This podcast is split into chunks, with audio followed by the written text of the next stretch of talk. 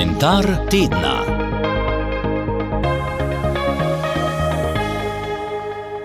Misel na 1. september me najpogosteje navdaja z analogijo z novim letom. Kot ob novem letu se tudi tokrat šolniki ozremo nazaj, obujemo spomine na naše šolske dni in razmišljamo o preteklih šolskih letih. Hkrati pa je to čas za kritično distanco do upravljenega pedagoškega dela in snovanje načrtov za šolsko leto, ki je pred nami. Zaradi COVID-19 so bila zadnja šolska leta zaznamovana z izrazitimi spremembami pedagoškega procesa.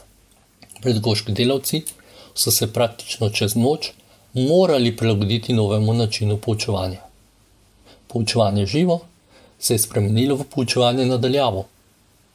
Kljub temu, da je slednje bila ustrezna rešitev v danih okoliščinah, pa se po zaključku tega obdobja pojavljajo številna strokovna vprašanja o ustrezni usposobljenosti pedagoških delavcev in materialnih pogojih za poučevanje nadaljavo ter vplivu le tega na nadaljni razvoj učencev. Kakšne posledice je pomanjkanje socialnih stikov pustilo na učencih, bo dejansko pokazal čas. Upamo samo, da je omenjeno obdobje za nami in bo slovensko šolstvo spet končno zaplulo v mirne vode in nadaljevalo z ustaljenim načinom dela. Vendar pa vrnitev učencev v razrede ne pomeni, da lahko strokovnjaki in snovalci šolske politike sedimo oziroma sedijo križem rok.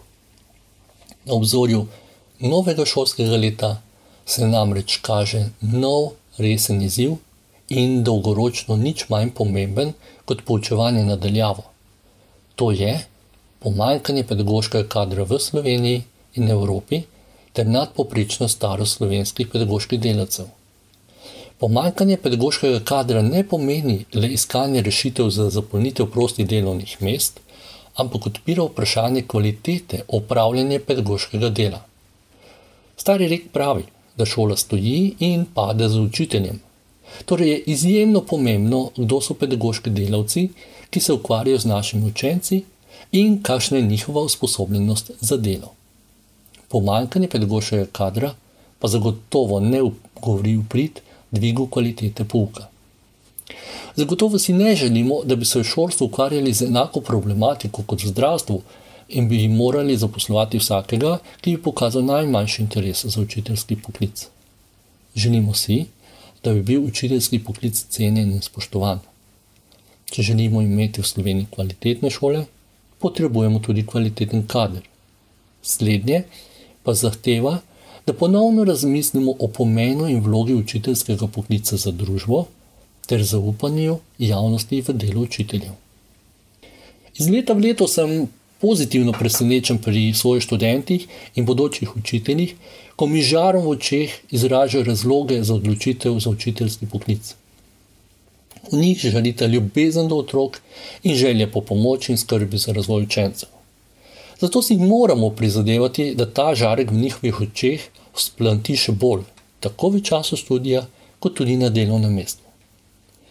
Na pedagoških fakultetah smo primorani usposabljati pedagoške delavce, ki bodo sposobni s svojimi kompetencami kvalitetno upravljati pedagoški poklic in odgovarjati na sodobne izzive. Ker pa cenjenje in spoštovanje pedagoških delavcev danes žal ni samo umevno, so leti primorani, da za vstopom v šolski prostor, svojo strokovnostjo in osebnostjo dokažejo, da s ponosom upravljajo enega najpomembnejših in najlepših poklicev. Hkrati pa si kot pedagog želim, da bi zaupali učiteljem. Tako kot želijo starši svojim otrokom vse najboljše, si upam trditi, da tudi učitelji prihajajo v razred z dobrimi nameni in želijo našim učencem vse dobro. Če jih ne bi navdajala ljubezen do poučevanja in otrok, zagotovo ne bi posvetili svojega življenja temu poklicu. Ker pa je 1. september nov začetek tudi za učence in njihove starše, želim vsem, ki vstopajo v šolski prostor, obilo prijetnih in pozitivnih izkušenj. Naj bo šolski prostor tisto mesto, kjer se bomo vsi počutili sprejeti in razumljeni. Najmlajšemu rodu pa želim pridobivanje obilice kvalitetnega znanja in lepih osebnostnih vrednot, ki jih bodo krasile skozi celotno življenje. Pri tem pa jim lahko s svojim zgledom pomagamo tako pedagoški delavci, kot tudi starši.